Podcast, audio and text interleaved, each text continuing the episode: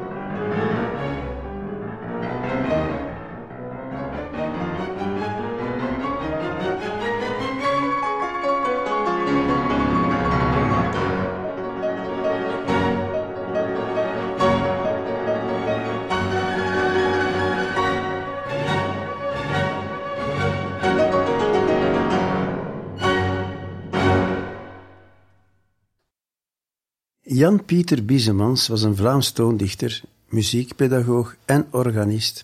Hij werd geboren te Vilvoorde in 1939 en overleed te Meissen in 2016. Jan-Pieter Biesemans studeerde aan het Lemmens Instituut en ook aan het Koninklijk Conservatorium te Antwerpen bij leraren Marinus de Jong, August Verbesselt, Marcel Slootmakers, Jan de Kat en Flor Peters. Jan-Pieter Biesemans begon in het begin van de jaren 1980 met componeren. Hij verkoos zelf de titel muziekschrijver boven componist. Biesemans schreef in totaal 183 voltooide opusnummers. In 1987 creëerde het vocale ensemble van de Munt zijn Deutsche Johannes Passion. Hij was hoogleraar notenleer en kamermuziek aan het Antwerps Conservatorium en van 1974 tot 2005 directeur aan de Academie voor Muzische Kunsten te Meissen en voorvechter van de rechten van de leerlingen in een werkgroep kunstonderwijs tussen 1987 en 1999. Het bekendst werd Jan-Pieter Biesemans als stichter van Consortium Antiquum, waarin hij zelf positief orgel speelde en de leiding nam. Concerten door heel Europa, de Verenigde Staten, Mexico, Zuid-Afrika en Rusland maakten hem beroemd als uitvoerders van renaissance en vroegbarokmuziek. We beluisteren nu eerst een canzon duodecimi toni van Hans-Leo Hasler door het consortium Antiquum onder leiding van Jan-Pieter Biesemans.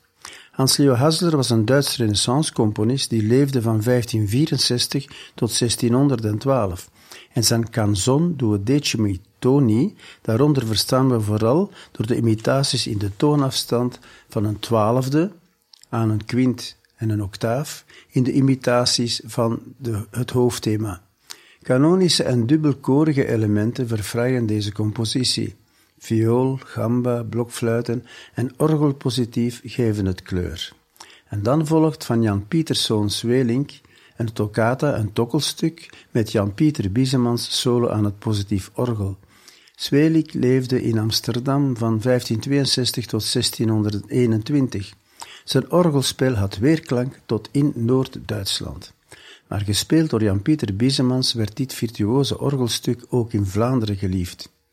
Joost van de Vondel schreef als grafschrift voor Zweling: Dit Zwelings sterfelijke deel, ten troost ons nagebleven, Tonsterfelijk houdt de maat, bij God in het eeuwig leven. Daar strekt hij meer dan hier omvatten ons gehoor, een godelijke galm in aller engelen oor.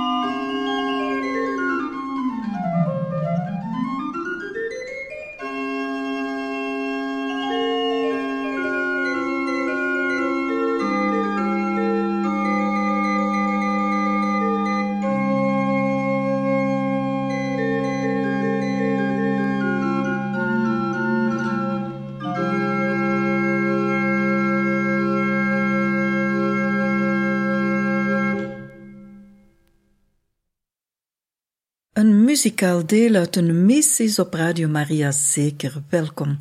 U luistert nu naar het Kyrie uit de Missa Criolla van Ariel Ramirez, met als solist tenor José Carreras en als koor het Coral Salve de Laredo en de Sociedad Coral de Bilbao.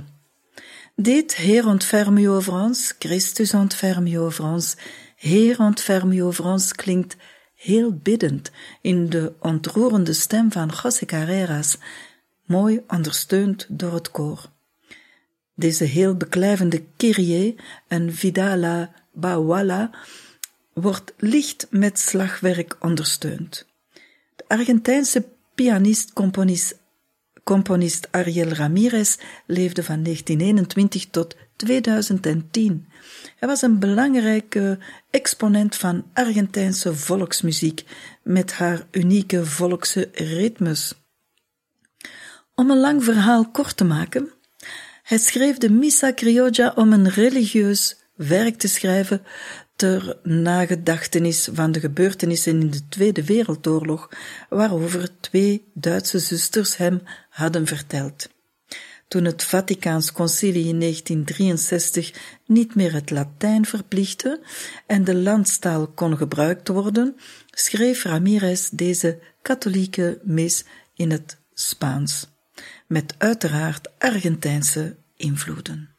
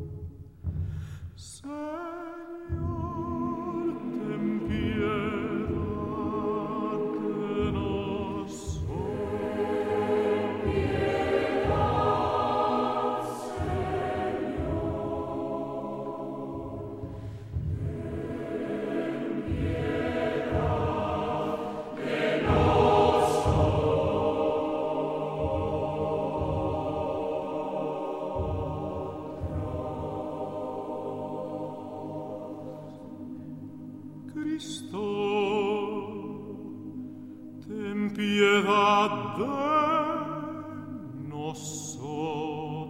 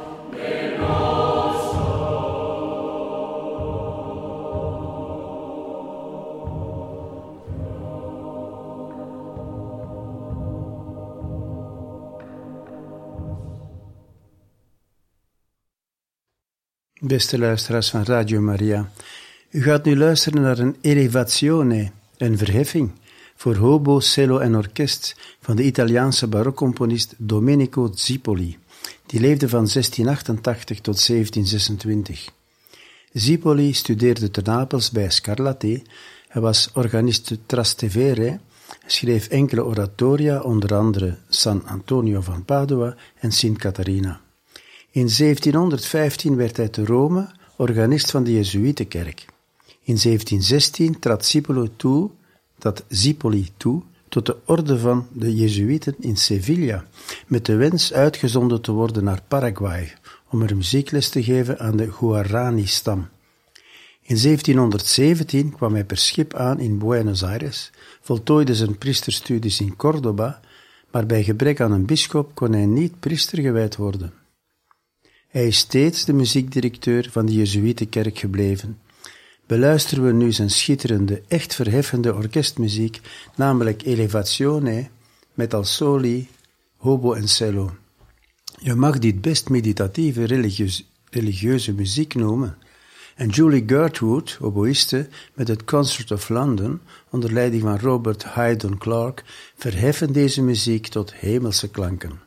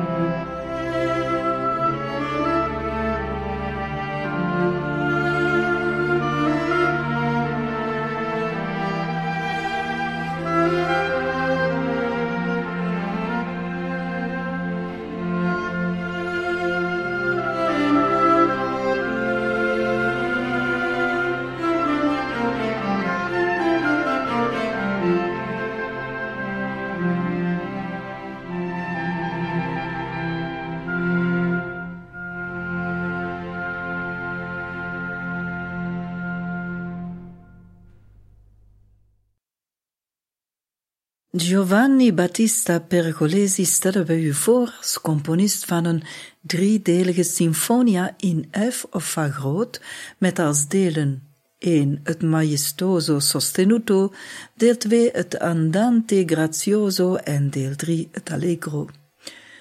Het wordt u heel helder en stijlgetrouw gebracht door Elisabeth Wolfish, Nicolas Kramer en de Raglan Baroque Players.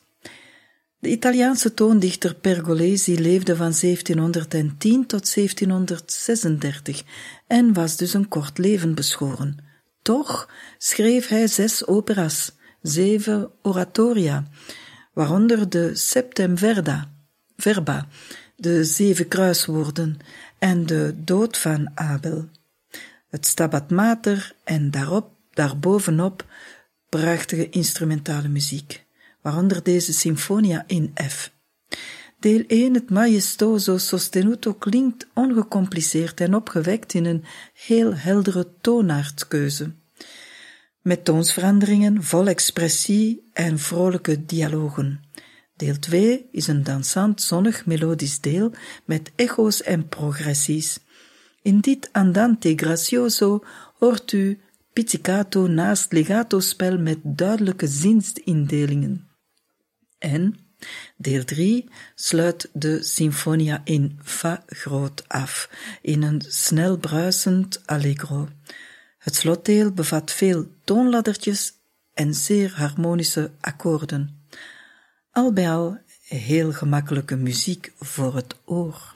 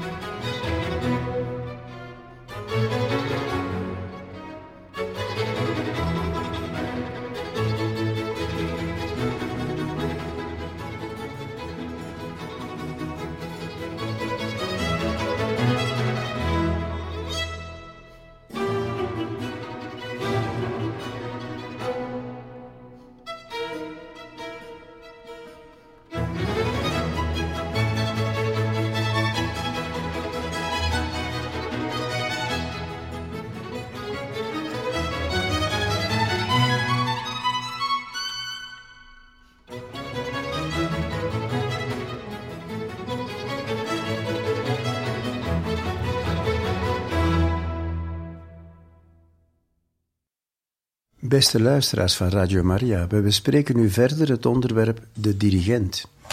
Elke nationaliteit heeft zijn eigen persoonlijke benadering van de dirigent. In Oost-Europa is de dirigent zowat een dominante figuur waar de muzikanten blind naar luisteren. Zo'n eenzijdige communicatie zou in Scandinavië nooit werken.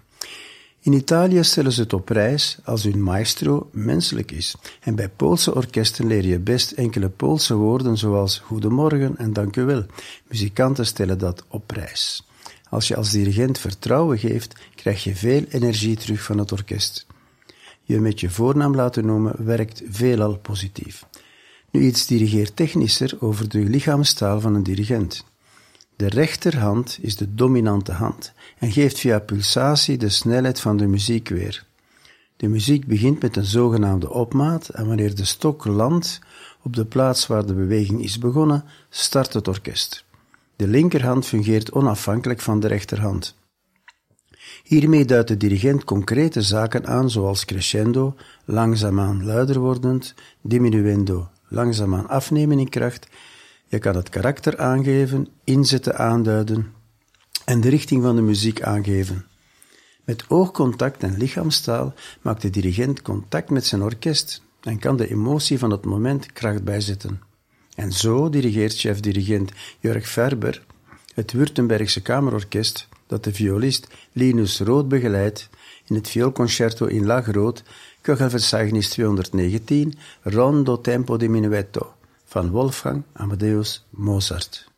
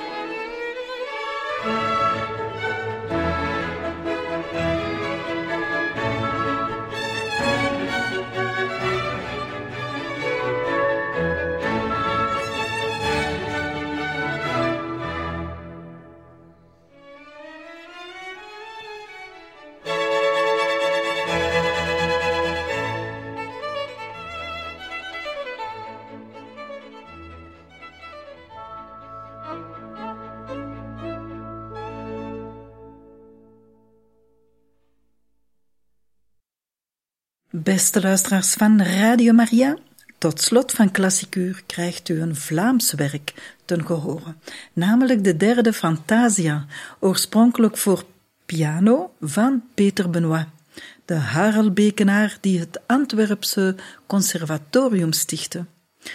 Maar hier is het subliem bewerkt door de Duitse Blazersfilharmonie, een harmonieorkest onder leiding van Walter Ratschek, een zeer geslaagd arrangement van een 19e-eeuws pianowerk geschreven in de Parijse salonsfeer.